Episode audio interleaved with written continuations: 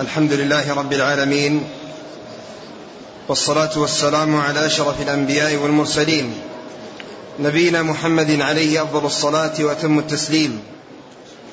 قال الإمام البخاري رحمه الله تعالى في كتاب الجهاد والسير قال باب من يجرح في سبيل الله عز وجل.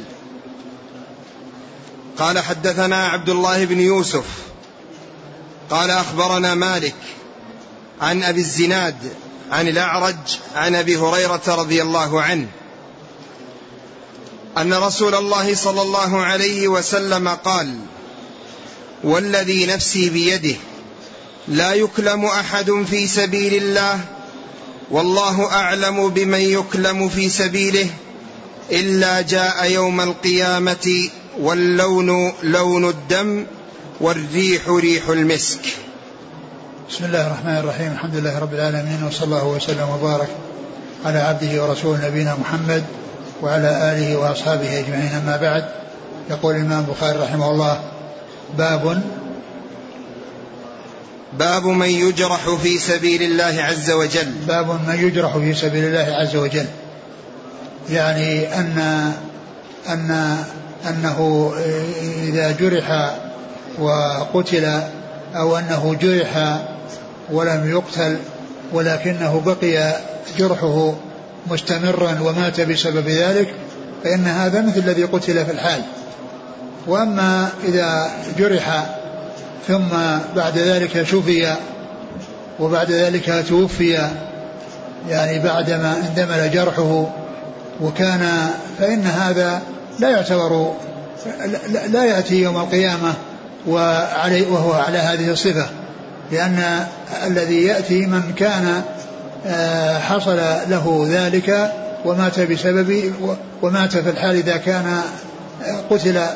وأما وإن حصل جرحا ولكنه استمر حتى مات وكان موته سبب ذلك الجرح فإن هذا مثل الذي قبله. كل هؤلاء يعاملون هذه المعاملة ويحصل لهم في الدار الآخرة آه، ويحصل لهم في الدار الآخرة أن أنه يأتي يوم القيامة واللون لون الدم والريح ريح المسك يعني أنه هذه هذه الهيئة وهذه المنظر الذي هو الدم الذي كان يعني لا لا يفرح به ويعني آه، يأتي يوم القيامة على حالة حسنة.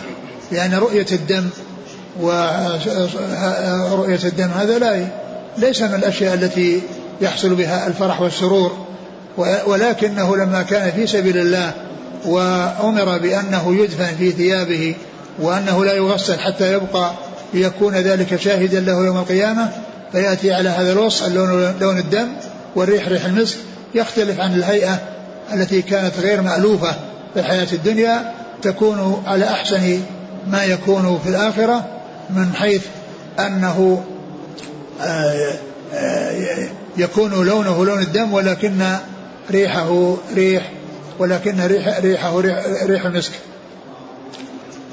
وكما قلت أن أن, أن هذا لمن يأتي أو يكون حصلت له الشهادة في سبيل الله في آه، كونه قتل أو جرح جرحا استمر حتى حصل معه الموت فيكون موته بسبب القتل في سبيل الله أو الجرح الذي استمر حتى مات بسببه. ثم أورد حديث حديث أبي هريرة رضي الله عنه قال والذي نفسي بيده لا يكلم أحد في سبيل الله ما يكلم الكلم هو الجرح يعني يكلم يجرح لا يكلم أحد في سبيل الله والله أعلم بمن يكلم في سبيله. يعني أن هذا يعني يرجع إلى النيات وما يقوم بالقلوب من آه، الإخلاص والصدق. لأن من الناس من يكون قتاله رياء ومنهم من يكون قتاله للسمعة. وقد جاء في الحديث عن أبي موسى عن النبي صلى الله عليه وسلم أنه سئل عن الرجل يعني يقاتل شجاعة ويقاتل حمية ويقاتل في سبيل قال من من قاتل لتكون كلمة الله هي العليا فهو في سبيل الله. من قاتل لتكون كلمة الله هي العليا فهو في سبيل الله. وإلا إذا كان حمية أو كان يعني لغير ذلك يعني فإن هذا ليس من القتال في سبيل الله. إلا جاء يوم القيامة واللون لون الدم والريح ريح المسك. نعم. قال حدثنا عبد الله بن يوسف التنيسي. عن مالك نعم. عن أبي الزناد عبد الله بن ذكوان. عن الأعرج عبد الرحمن بن هرمز. عن أبي هريرة. نعم. قال رحمه الله تعالى باب قول الله عز وجل قل هل تربصون بنا إحدى إلا إحدى الحسنيين والحرب سجال. قال حدثنا يحيى بن بكير قال حدثنا الليث قال حدثني يونس عن ابن شهاب عن عبيد الله بن عبد الله أن عبد الله بن عباس أن عبد الله أن عبد الله بن عباس رضي الله أن عبد الله ابن, ابن عباس رضي الله عنهما أخبره أن أبا سفيان بن حرب رضي الله عنه أخبره. أن هرقل قال له سألتك كيف كان قتالكم إياه؟ فزعمت أن الحرب سجال ودول. فكذلك الرسل فكذلك الرسل تبتلى ثم تكون لهم العاقبة. ثم ذكر هذا الحديث عن ابن عباس في قصة هرقل عظيم الروم الذي آه، أورده البخاري في أول صحيحه. كاملا مطولا وأورد قطعا منه في مواضع متعددة يستدل بها على مسائل متنوعة.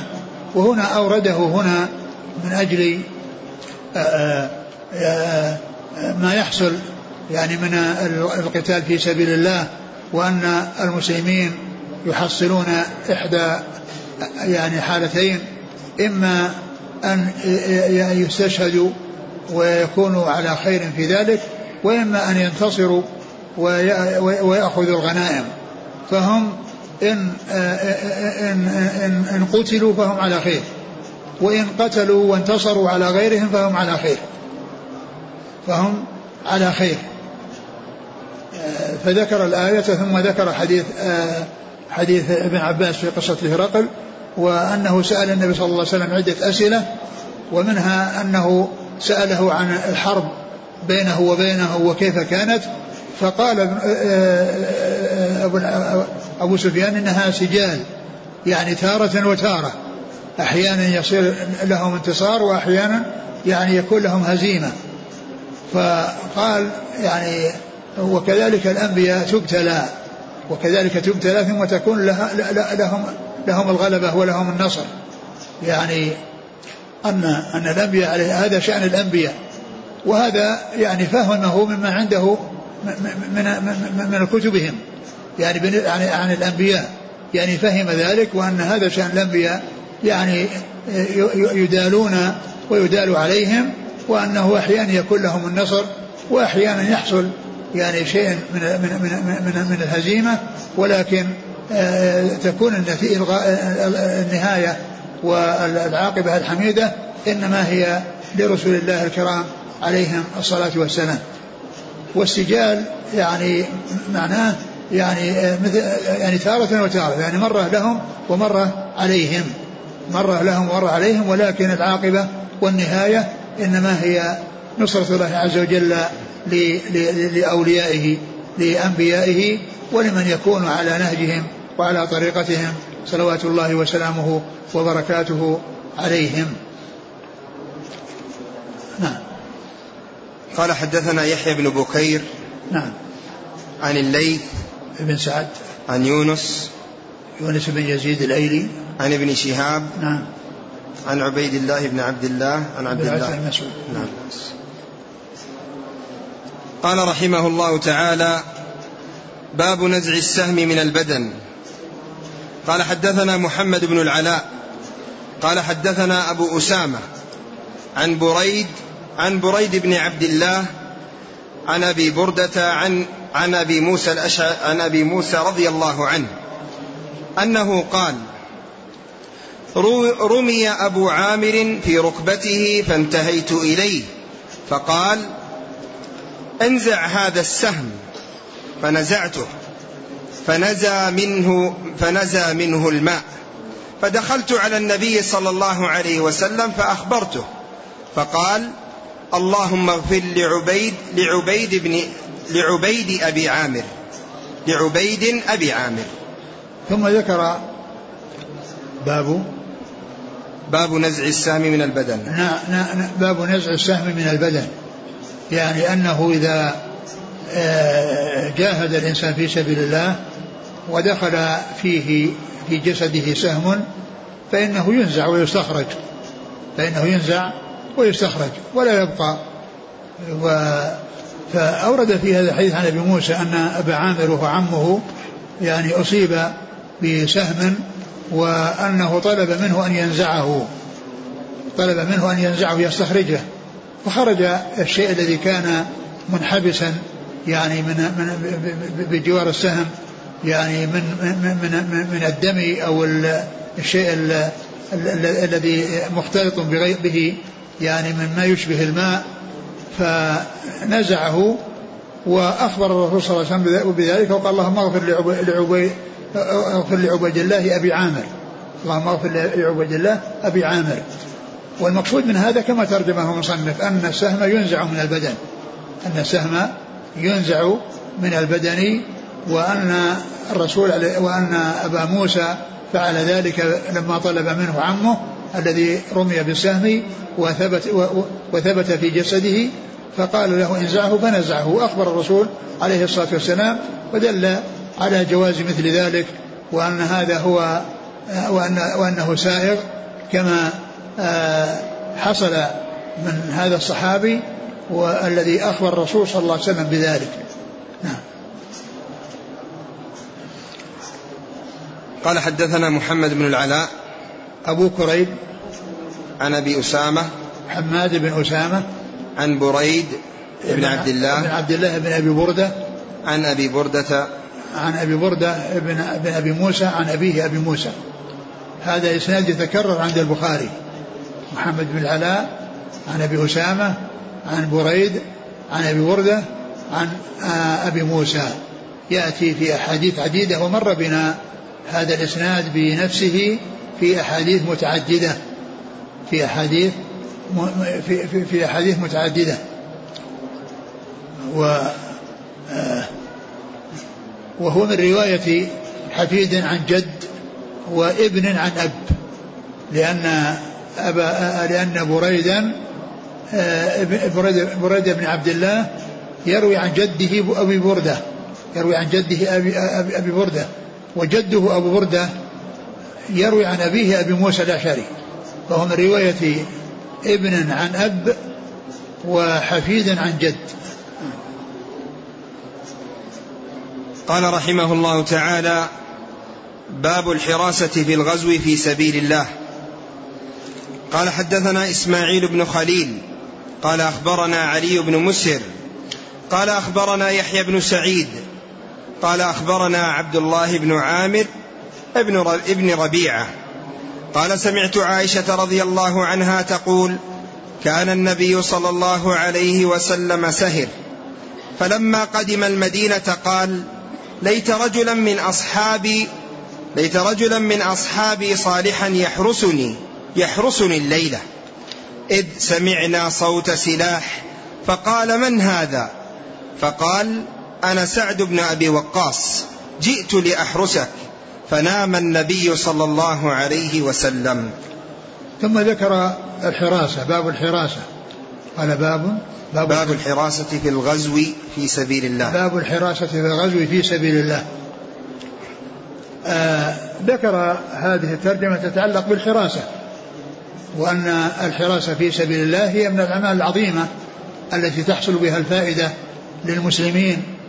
وذلك أن أن من يحرس يعني يكون يقظا ومتنبها يخبر بما يراه وبما يشاهده ويخبر النائمين الذين كانوا ناموا وهو يحرسهم.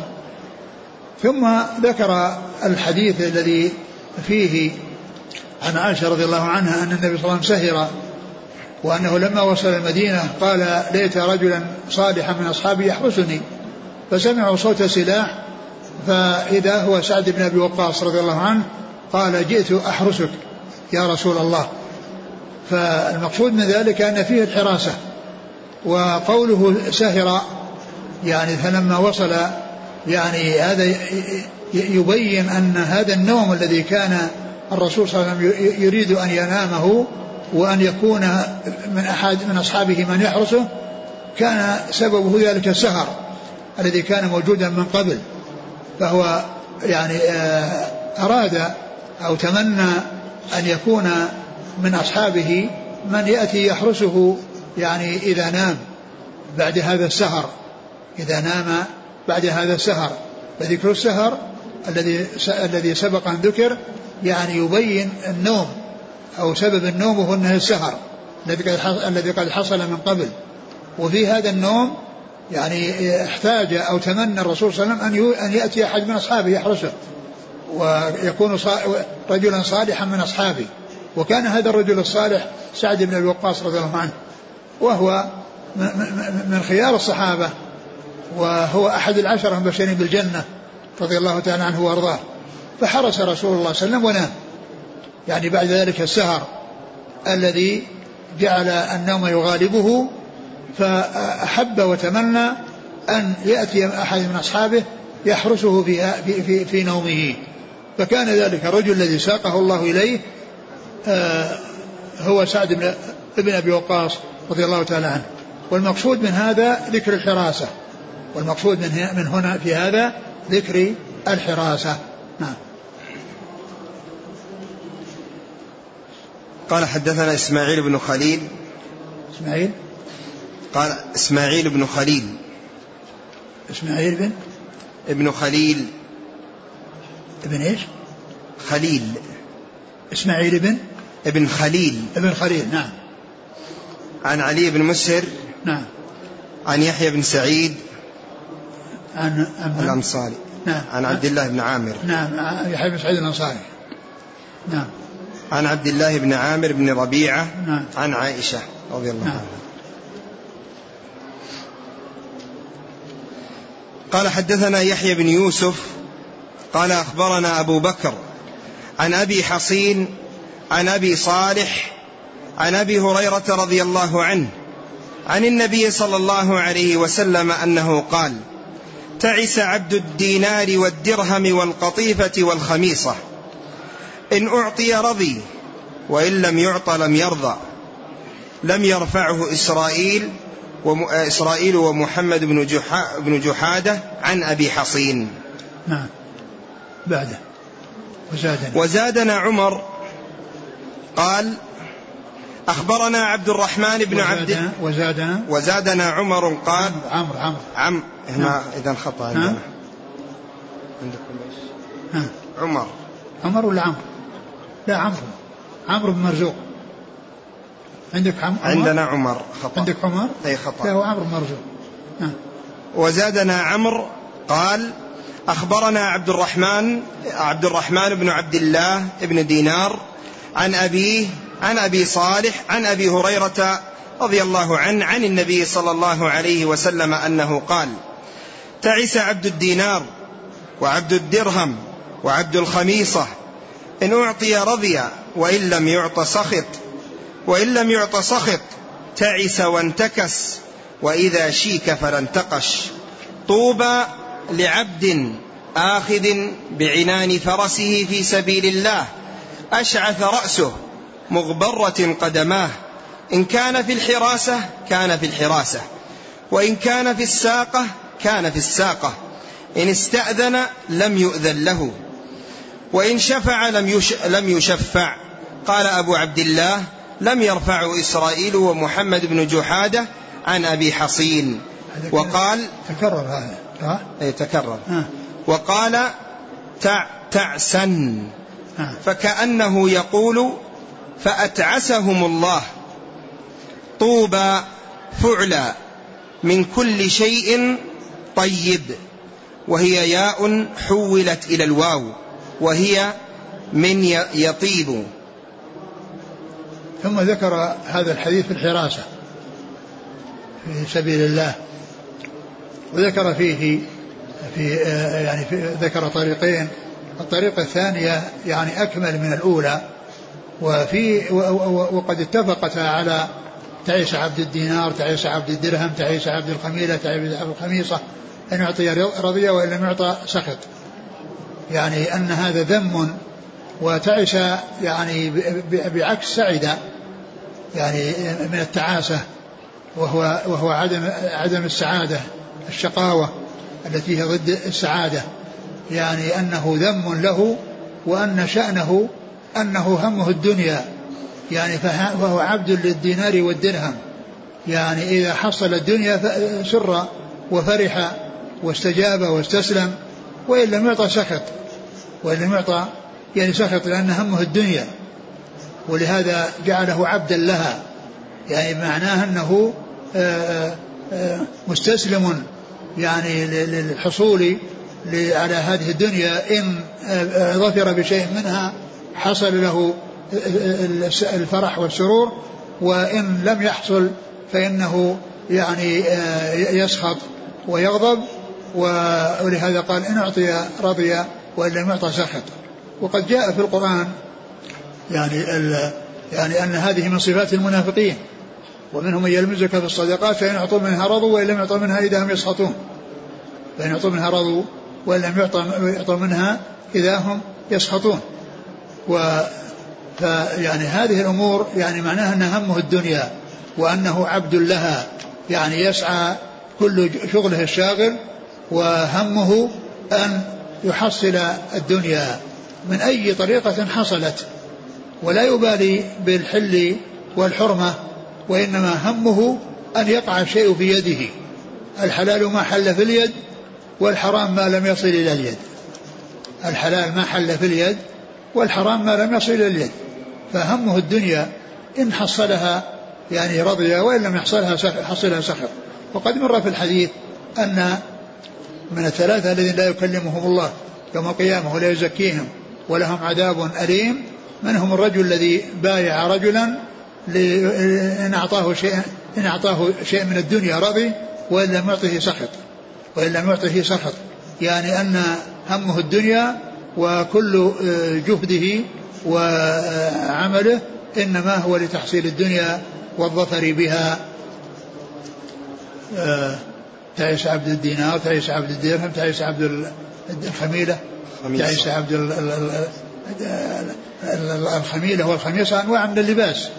أنواع من اللباس. يعني معناه يهم أنه يريد يعني الدرهم والدينار وما يعني وغيرها من, من, من سائر المتاع.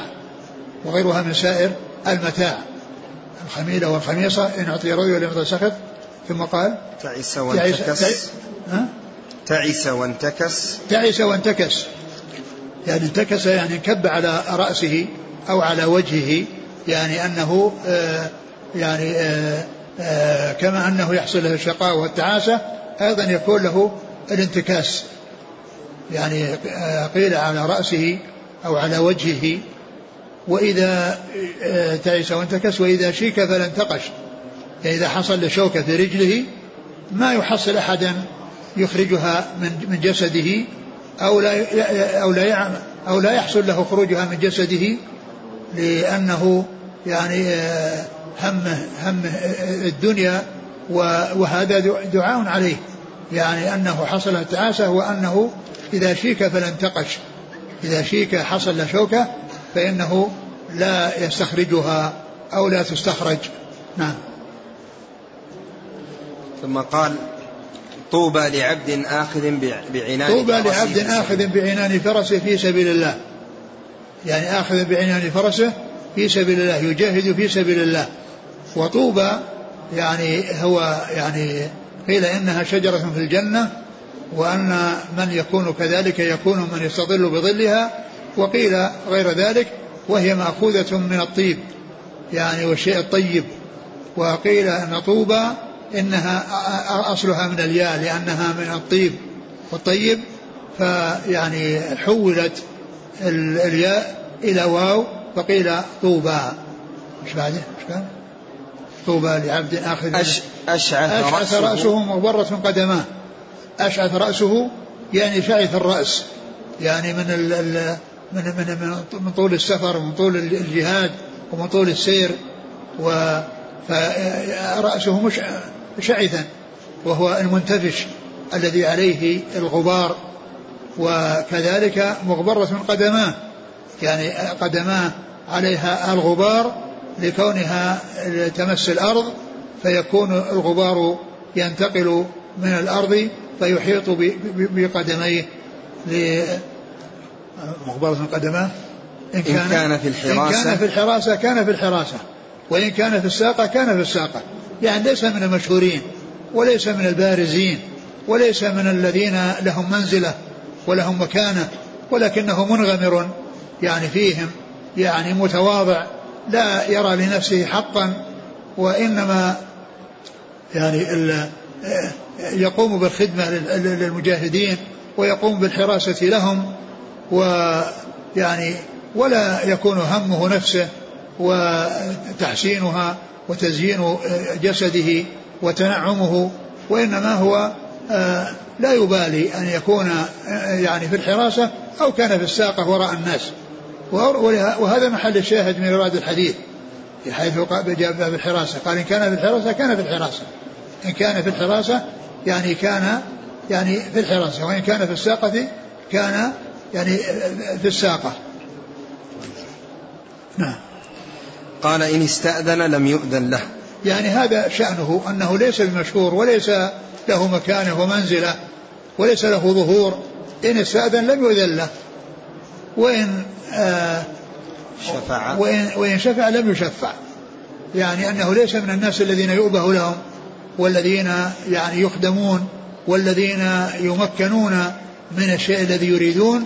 يعني معناه أنه قائم بالجهاد في سبيل الله وقائم بمهمته وأنه لا يبالي في أي عمل يقوم به ما دام أن فيه مصلحة للمسلمين وفيه خدمة للمسلمين. قال حدثنا يحيى بن يوسف. نعم. عن أبي بكر. بن عياش. عن أبي حصين. عثمان بن عاصم. عن أبي صالح. ذكوان السمان. عن أبي هريرة. عن أبي هريرة رضي الله عنه. وهذا الإسناد مسلسل بأصحاب الكنى. إلا شيخ المصنف فإنهم كلهم أصحاب كنى إلا شيخ المصنف ذكر باسمه وأما الباقون فقد ذكروا بكناهم. يعني التسلسل هو اتفاق في صفة من الصفات وهنا متفقين بأنهم أصحاب كنى. متفقين بأنهم أصحاب كنى فأكثره إلا شيخ البخاري من من هذا النوع الذي هو المسلسل بأصحاب الكنى. قال وزادنا عمرو قال أخبرنا. وزادنا عمرو بن مرزوق. زادنا عمرو بن مرزوق هو من شيوخه. يعني زادنا يعني على ما ذكره يعني أمور أخرى التي هي آه هذه الجمل التي جاءت في آخر الحديث فإنها جاءت زيادة على ما تقدم في الحديث السابق. عن عبد الرحمن بن عبد الله بن دينار. نعم. عن, عن أبيه. عن أبيه عن أبي صالح عن أبي هريرة. نعم. يعني يلتقي الطريقان عند أبي صالح. قال أبو عبد الله لم يرفعه إسرائيل ومحمد بن جحادة عن أبي حصين. يعني لم يرفعه يعني أنه يعني من رواية هذين يعني هو مرسل من رواية محمد بن جحادة و, و إسرائيل. وإسرائيل نعم. بعدين الكلام اللي قاله بعد ذلك في ثم قال أبو نعم ثم قال تعسا وقال تعسا تعسا هذه أتى بها البخاري رحمه الله وفسرها بأنه يعني آه، يبتليهم الله بإيش؟ فكأنه يقول فأتعسهم الله. أتعسهم الله. يعني أنه دعاء عليهم. ولكنه أتى بكلمة تعسا وفسرها لأنها موافقة لما جاء في القرآن فتعسا لهم. فلهذا أتى بالكلمة التي من القرآن وفسرها. وهذه طريقة البخاري رحمه الله أنه إذا كان في الحديث كلمة غريبة فإنه لا يفسرها بلفظ الحديث وإنما ينظر إذا كان هناك كلمة في القرآن من مادتها فإنه يأتي بها ويفسرها. ولهذا قال تعسا أتعسهم الله. يعني دعاء علي دعاء عليه. أتعسه الله أي, أي, أي أتعسه الله أي دعاء عليه. فإذا هذا من هذه القاعدة التي سار عليها البخاري رحمه الله وهو أنه عندما يأتي في آه، يأتي كلمة في الحديث فلا يفسرها بلفظها الذي في الحديث وإنما ينظر إلى كلمة تشبهها من القرآن فيفسرها. فيكون بذلك فسر الحديث القرآن والحديث. يكون بذلك جمع بين تفسير القرآن والحديث وهذا مضطرد. هذا من عادة البخاري ومن طريقة البخاري في صحيحه. وقد مر بنا يعني مسائل كثيرة هي من هذا القبيل. وابن حجر رحمه الله ينبه عليها في مواضع متعددة وأن هذه طريقة البخاري لأنه يكون بذلك جمع بين الحديث و وتفسير شرح الحديث وتفسير القرآن.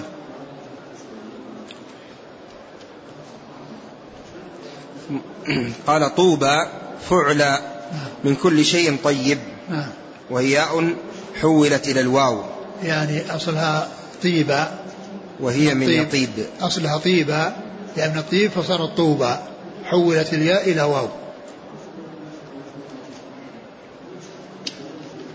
أو طيبة طيبة يعني فالنطق بالواو بعد الضم أسهل منه بالياء.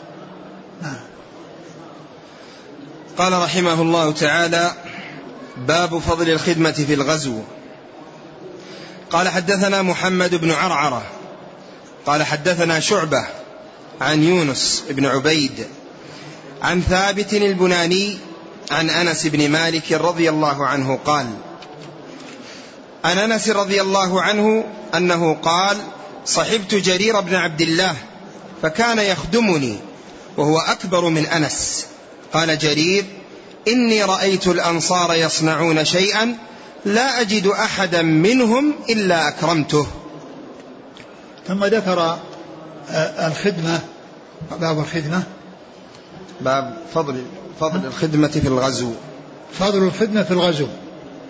يعني كون الإنسان يخدم الناس في غزوهم ويكون يعني آه، يقوم بالخدمة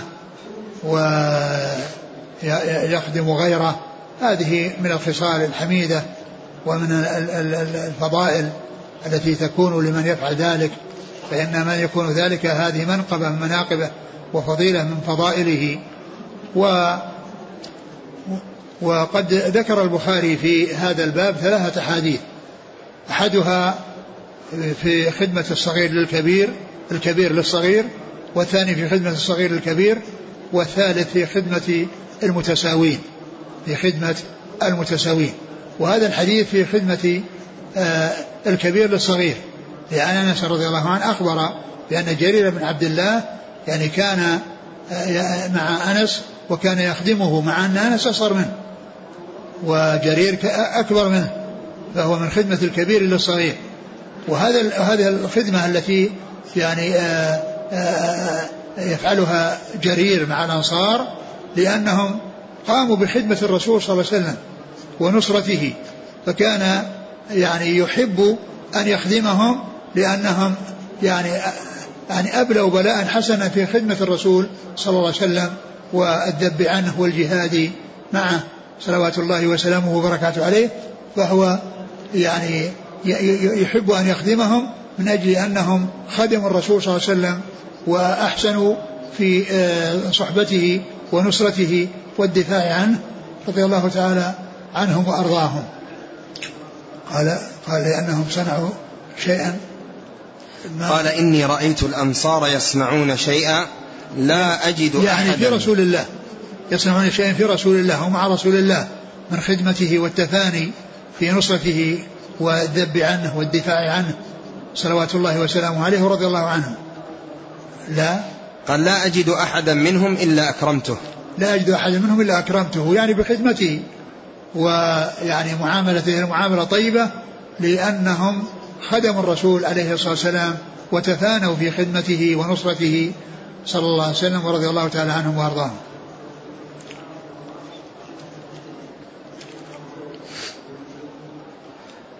قال حدثنا محمد بن عرعرة آه.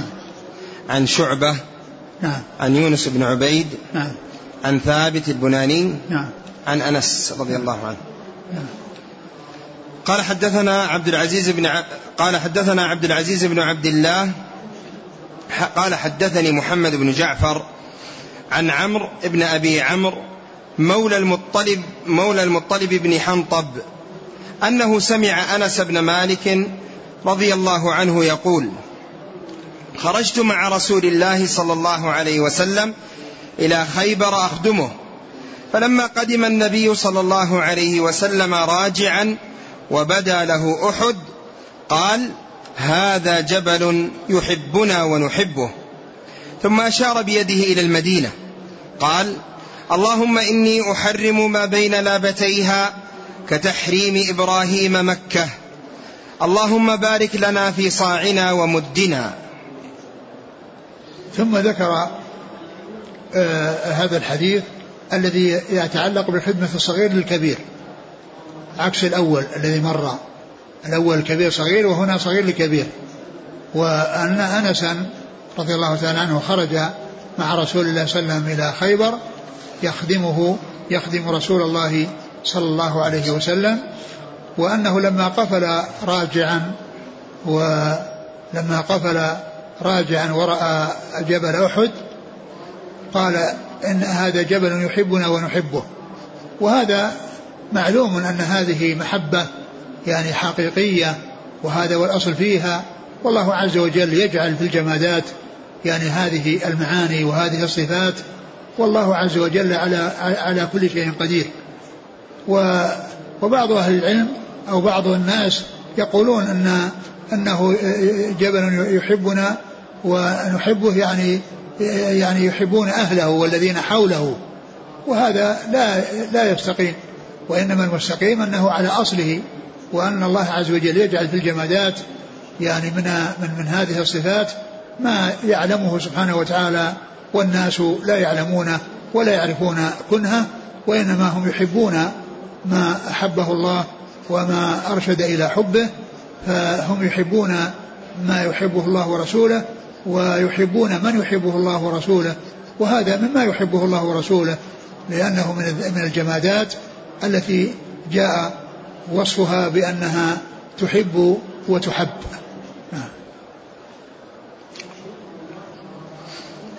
قال حدثنا عبد العزيز بن عبد الله. الأويسي.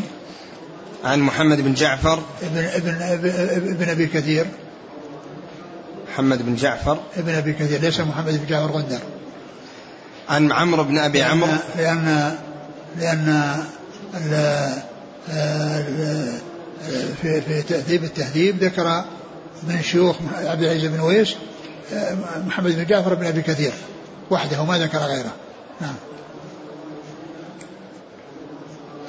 عن عمرو بن أبي عمرو مولى نعم. المطلب نعم. عن أنس رضي الله عنه.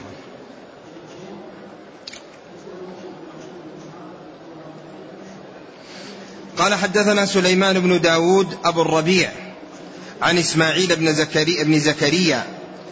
قال حدثنا عاصم عن مورق العجلي عن أنس رضي الله عنه أنه قال كنا مع النبي صلى الله عليه وسلم أكثرنا ظلا الذي يستظل بكسائه. وأما الذين صاموا فلم يعملوا شيئا. وأما الذين أفطروا فبعثوا فبعثوا الركاب. وامتهنوا وعالجوا. فقال النبي صلى الله عليه وسلم ذهب المفطرون اليوم بالأجر. وهذا الحديث يتعلق ب يعني خدمة المتماثلين. والمتساوين لأن هذه هذه يعني هذا هذه الذي كان الذي كان الصحابة مع رسول الله صلى الله عليه وسلم يعني آه، نزلوا في مكان في وقت حار فكان أكثرهم الذي يجد كساء يتظلل به. يعني وفيهم من يضع يده على رأسه من شدة الحر يعني يريد أن يستظل بها. و وقال أكثرهم ظلا صاحب الكساء. وقال إن أناسا كانوا صائمين ومع شدة العطش لم يتمكنوا من العمل ولم يتمكنوا من الخدمة ولكن الذين كانوا مفطرين هم الذين قاموا بالخدمة وهم الذين قاموا بما يخصهم ويخص غيرهم. بما يخصهم ويخص غيرهم فأثاروا الإبل يعني وقاموا بخدمتها وبرعيها وبما يتعلق بها. و أثاروا الإبل وامتهن إيش؟ وقاموا بالمهنة فبعثوا الركاب وامتهنوا وعالجوا. فقال النبي صلى الله عليه وسلم يعني قاموا بالأعمال التي يحتاج إليها يحتاج إليها في الخدمة في, في, في, في يعني في, في السفر. فكان يعني يعني هؤلاء الذين عملوا هذه الأعمال والذين حصلت منهم هذه الخدمة قال فيهم النبي صلى الله عليه وسلم ذهب المفطرون اليوم بالأجر لأنهم قاموا ب ب بالأعمال التي آه، تخصهم وتخص غيرهم لأنهم كانوا مفطرين وعندهم شيء من القدرة والقوة وأما الصائمون فإن آه، آه، شدة العطش وشدة الشمس يعني جعلتهم لا يتمكنون من أن يتحركوا فكانوا يستظلون ويبقون في الظل ولكن هؤلاء المفطرين هم الذين حصلت منهم الخدمة وهم الذين قال فيهم النبي صلى الله عليه وسلم ذهب المفطرون بالأجر. يعني معناه الأجر العظيم. وليس معنى ذلك أن أولئك لا أجر لهم ولكن هؤلاء لهم أجر. يعني هذه الخدمة وأجر هذا العمل الذي قاموا به واختصوا به عن آه، عن عن, عن, عن الصائمين. وإلا فأولئك لا شك أنهم ماجورون ولكن هؤلاء حصلوا الأجر بهذه الخدمة وبهذه بهذا العمل الذي عملوه لأنفسهم ولأصحابهم. اذا هذه الأحاديث الثلاثة يعني فيها الأول خدمة الكبير للصغير والثاني خدمة الصغير للكبير والثالث خدمة المتماثلين بعضهم لبعض. قال حدثنا سليمان بن داود نعم. عن عن إسماعيل بن زكريا نعم. عن عاصم بن سليمان الأحول. عن مورق العجلي عن أنس.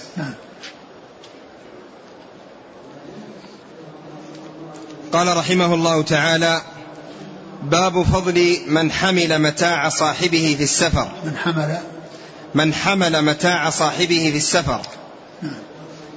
قال حدثنا إسحاق بن نصر قال حدثنا عبد الرزاق عن معمر عن همام عن أبي هريرة رضي الله عنه عن النبي صلى الله عليه وسلم أنه قال كل سلامة عليه صدقة كل يوم.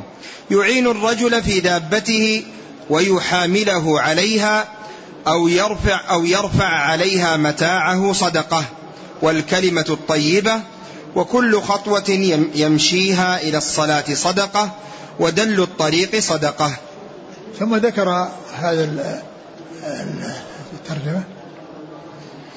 باب فضل من حمل متاع صاحبه في باب فضل من حمل متاع صاحبه في السفر يعني أعانه على حمله بأن حمله له أو حمله على دابته ورفعه على دابته فإن هذا هو صدقة.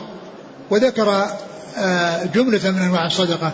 بعد قوله كل سلامة من الناس عليه صدقة في كل يوم يعني أن آه، تحريك جسم الإنسان يعني ومفاصله وأنها تتحرك وأن يعني في حركتها صدقة وذكر أنواعا من الصدقات التي تكون في حركتها ومنها ما ترجم له وهو كونه يحمل متاع غيره في السفر أو يحمله على دابته. وذكر جملة من أنواع آه، الصدقات. وذكر آه، ذكر والكلمة الطيبة ولم يقل صدقة. وقد جاءت في آه، الحديث في رواية أخرى وفيها والكلمة الطيبة صدقة. يعني أن هنا لم يذكر فيه الخبر في قوله والكلمة الطيبة صدقة وإنما ذكر المبتدأ ولكنه في الرواية الأخرى التي يعني آه، أوردها المصنف آه، والكلمة الطيبة صدقة. يعني كون الإنسان إذا لم يحصل منه يعني إحسان إلى غيره بالفعل فإن الكلمة الطيبة التي يقولها له فإنها صدقة يعني على أخيه لأنه كلمه بكلام جميل وبكلام طيب سره وآنسه فهي فهو فهي صدقة منه على غيره.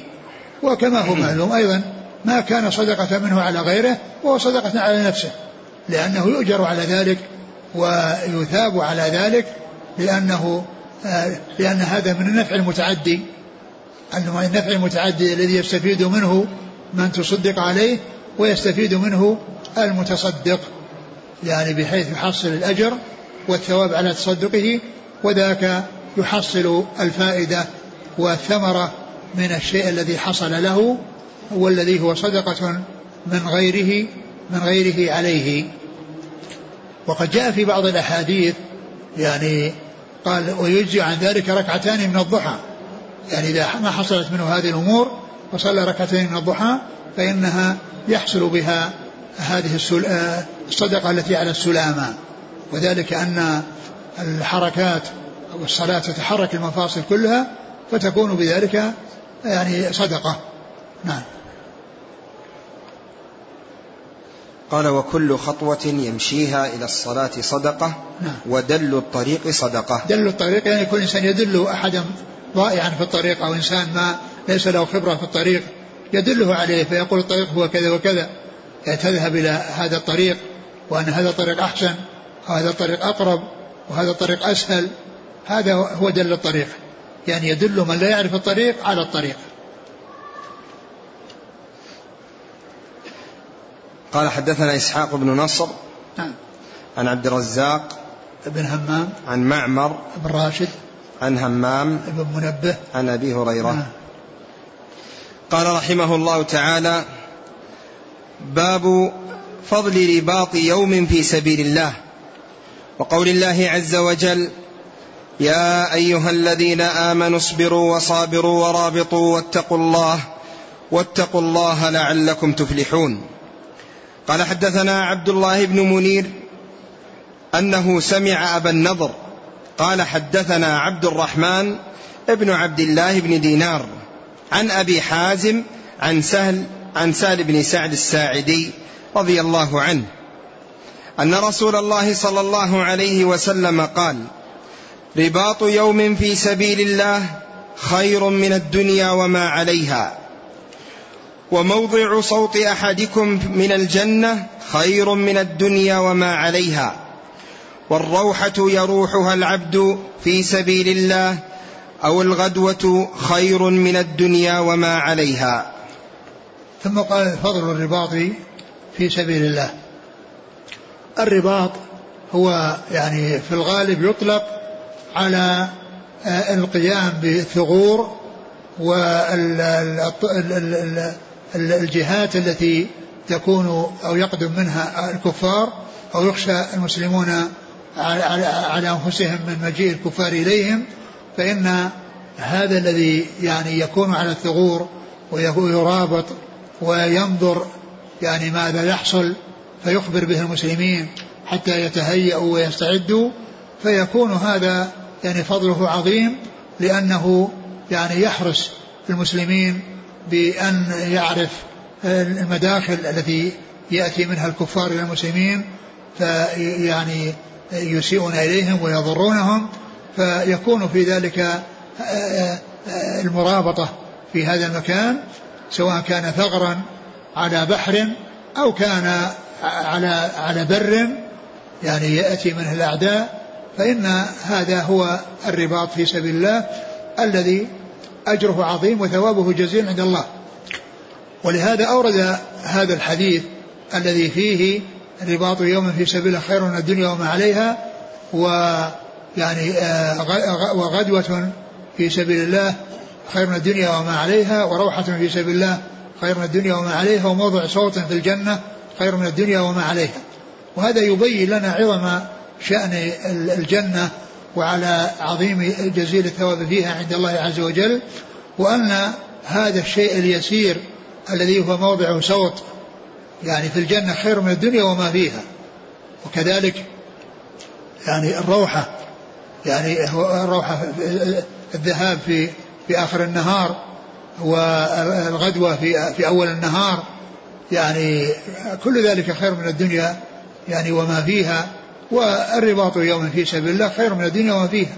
فهذا يدلنا على عظم شأن الجنة وعظيم ما أعد الله فيها لأهلها من النعيم وأن هذه الأمور اليسيرة التي تكون في الجنة هي خير من الدنيا وما فيها.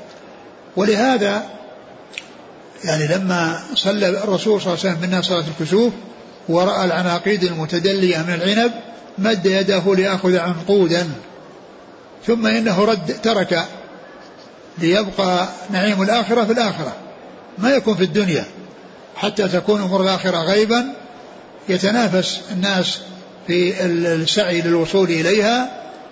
فترك أخذ العنقود لأنه لو أخذه لكان نعيم, نعيم الجنة جاء في الدنيا. والله عز وجل شاء أن تكون أمور الآخرة غيبا حتى يستعد من يستعد وحتى يعني آه، يكسل من يكسل.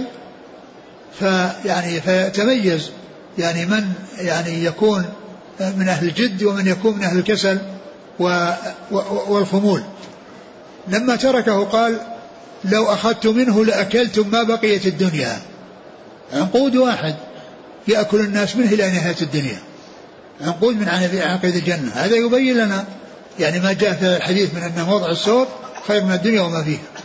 موضع السوط خير من الدنيا وما فيها. والروحة في سبيل الله خير من الدنيا وما فيها والغدوة في سبيل الله خير من الدنيا وما فيها ورباط يوم في سبيل الله خير من الدنيا وما فيها. وذكر الآية قبل ذلك يا أيها الذين اصبروا وصابروا ورابطوا واتقوا الله لعلكم تفلحون وقد ذكر فيها الرباط. قد ذكر فيها الرباط وقد فسرت هذه الكلمات يعني بمعاني متعددة منها يصبروا يعني على طاعة الله وصابروا يعني يصابرون الأعداء ويقابلوهم ويصبرون ولا يفرون ولا يفرون عند الزحف ويرابطوا يعني بمعنى أنهم يعني يأتون بالمعنى الخاص الذي هو حراسة الثغور التي يصل الكفار منها إلى المسلمين وكذلك يعني مجاهدة النفس ومداومة مداومة على الخير ولهذا جاء في بعض الأحاديث أن الرسول عليه الصلاة والسلام قال لما ذكر الذهاب للصلاة وقال وكثرة الخطى وانتظار الصلاة بعد الصلاة فذلكم الرباط فذلكم الرباط. والصبر على طاعة الله هو اصبروا أي على الطاعات ولو شقت على النفوس لأن هذا من أنواع الصبر الثلاثة التي هي صبر على طاعة الله وصبر عن معاصي الله وصبر على أقدار الله المؤلمة. يعني الصبر ثلاثة أقسام. صبر على طاعة الله ولو شقت على النفوس لأن العاقبة حميدة ولهذا قال النبي صلى الله عليه وسلم حفت الجنة بالمكاره. يعني بالأمور الصعبة والأمور الشاقة التي تحتاج إلى صبر. وحفت النار بالشهوات. يعني أن الإنسان إذا أرخى لنفسه العنان وأقدم على ما تشتهي نفسه يعني فإن ذلك يؤدي به إلى أن يقع في النار. يقع في النار فإذا الصبر على طاعة الله ولو شقت النفوس والصبر عن معاصي الله ولو مالت إليها النفوس. والصبر على أقدار الله المؤلمة يعني إذا حصل له مصيبة في جسده أو في ماله أو غير ذلك فإنه يصبر على ما قدره الله على ما قدره الله وقضاه.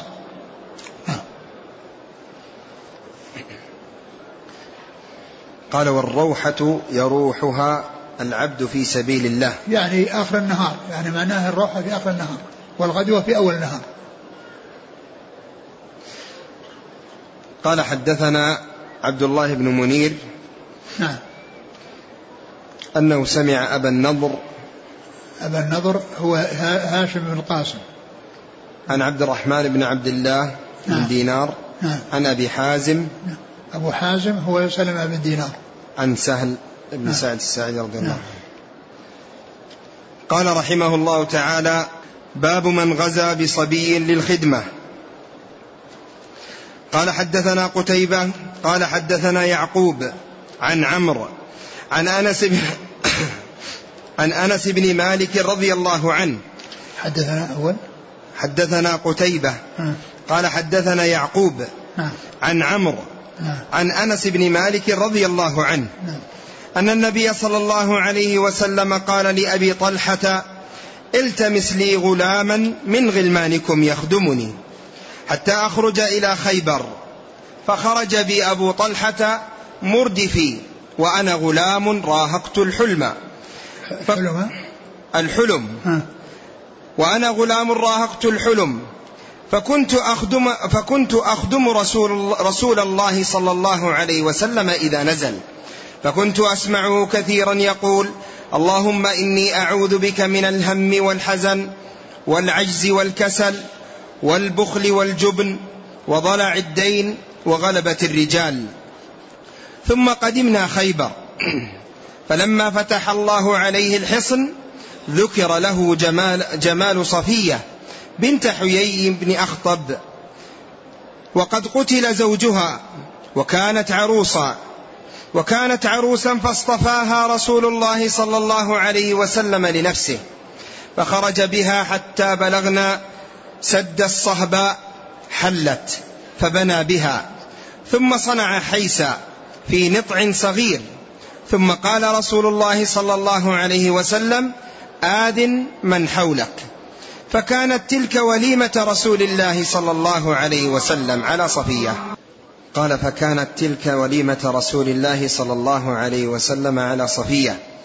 ثم خرجنا إلى المدينة. قال فرأيت رسول الله صلى الله عليه وسلم يحوي لها وراءه بعباءه ثم يجلس عند بعيره فيضع ركبته فتضع صفية رجلها على ركبته.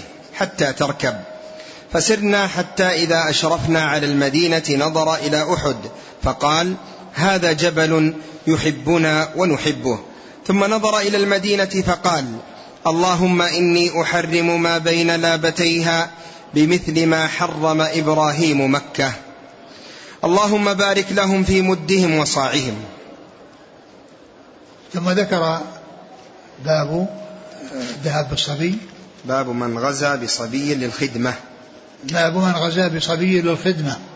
يعني الصبيان ليسوا من أهل الغزو ولا يذهب بهم للجهاد وهم صغار لم يبلغوا الحلم وإنما يكون الغزو للكبار الذين عندهم قدرة وعندهم جلد. وأما الصغار الذين لم يصلوا إلى سن البلوغ فإنهم لا يخرج بهم للجهاد ولكن يخرج بهم للخدمة. ولكن يخرج بهم للخدمة.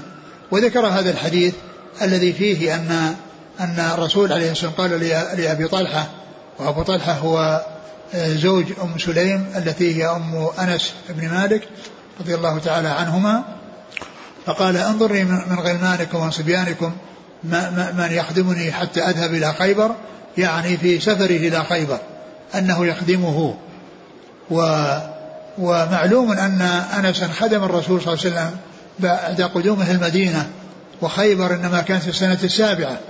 والمقصود أن هذا شيء يتعلق بالسفر وإلا فإن الخدمة في الحضر موجودة من أنس مع رسول الله صلى الله عليه وسلم من أول ما وصل المدينة أو بعيد وصوله المدينة.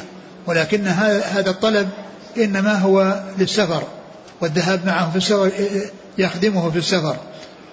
وأما فيما يتعلق بالخدمة في المنزل فإن الخدمة موجودة من أنس بن مالك رضي الله عنه يعني من, من, من أوائل قدوم الرسول صلى الله عليه وسلم المدينة. إنما هذا يتعلق بالخدمة في السفر.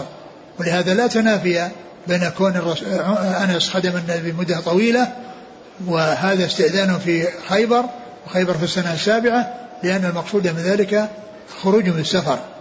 يعني يخدم في السفر وهو ليس من أهل الجهاد الذين يخرجون يعني مع الغزو يجاهدون في سبيل الله. يعني لأن ذلك لا يحصل إلا للبالغين. فكان ردفا لأبي طلحة يعني راكبا معه رديفا له على دابته وكان يخدمه إذا نزل. يعني هو راكب في السير هو راكب وراء أبي طلحة وفي النزول يخدم رسول الله صلى الله عليه وسلم. ولما فتحت خيبر وذكر للنبي صلى الله عليه وسلم صفية بنت حيي بن أخطب وكانت يعني ابنة يعني هذا الكبير والزعيم من زعمائهم وكانت متزوجة وحديث حديثة عهد بالزواج وهي عروس الرسول صلى الله عليه وسلم اصطفاها لنفسه اصطفاها لنفسه وكانت نصيبه من يعني من من السبي يعني أو في نصيبه من السبي صلى الله عليه وسلم رضي الله عنها وأرضاها. فلما آه فلما حلت وكانوا في, في الطريق يعني ما رجعوا ومعنى حلت يعني أنها يعني آه حاضت أو استبرئت بحيضة لأن لأن الأمة المزوج أو المرأة المزوجة أو المتزوجة وزوجها من الكفار وهم في بلاد الكفار. إذا إذا سبيت نساؤهم فإن الزواج الذي كان موجودا من قبل يبطل ولا يعتبر وليس له عدة. وإنما هذه حيضة واحدة تستبرأ حتى لا يكون في بطنها ولد. حتى لا يكون في بطنها ولد فتستبرأ بحيضة واحدة حتى يعرف أن بطنها ما في شيء. وليست وإلا فإنها خرجت من عصمة زوجها. الذي سبيت ولهذا يعني المحصنات المزوجات لا يزوجن لأن مكان ذات زوج لا يزوج لا يزوج ولكن يستثنى من ذلك الإيماء التي تسبى. كما قال الله عز وجل والمحسنات من النساء إلا ما ملكت أيمانكم. المحسنات من النساء هي من المحرمات. المحسنات ذوات الأزواج فالتي لها زوج لا تزوج لأنها في عصمة الزوج لكن ما كانت في عصمة زوج كافر وسبيت فإنها تخرج من عصمته تخرج من عصمته ويعني تحل للسابي تحل للسابي يعني بكونها استبرئت إذا كانت توطأ. ولهذا قال حلت يعني أنها حلت يعني حل له وطئها لأنها تبين براءة رحمها. وهذا هو معنى قوله عز وجل لما ذكر المحرمات حرمت عليكم امهاتكم وبناتكم وكذا وكذا ثم قال والمحسنات هي معطوفة على اللي قبلها. معطوفة على التي قبلها. وقال إلا ما ملكت أيمانكم. يعني فإنهن وإن كن ذوات أزواج إلا أن الزواج الذي كان يعني لهن قبل السبي أنه لغى وبطل وصارت حل حلالا لمن يسترقها. يعني فيطأها على أنها يعني موطوءة وأنها يعني حلت لمن لمن لمن لمن صارت له لكن لا بد من استبرائها بحيضة واحدة يتبين بها سلامة الرحم وعدم وجود ولد فيه. فقال حلت وبعد ذلك يعني اعتبرها زوجة من زوجاته و صنع حيسا. وصنع حيسا. الحيس هو الطعام الذي يتألف من من الدقيق ومن البر ومن من الدقيق ومن العسل ومن ومن التمر. يعني هذه أمور ثلاثة هي الحيس يصنع منها وهي التي تمزج وتخلط حتى تكون قطعة واحدة مكونة من هذه الأشياء.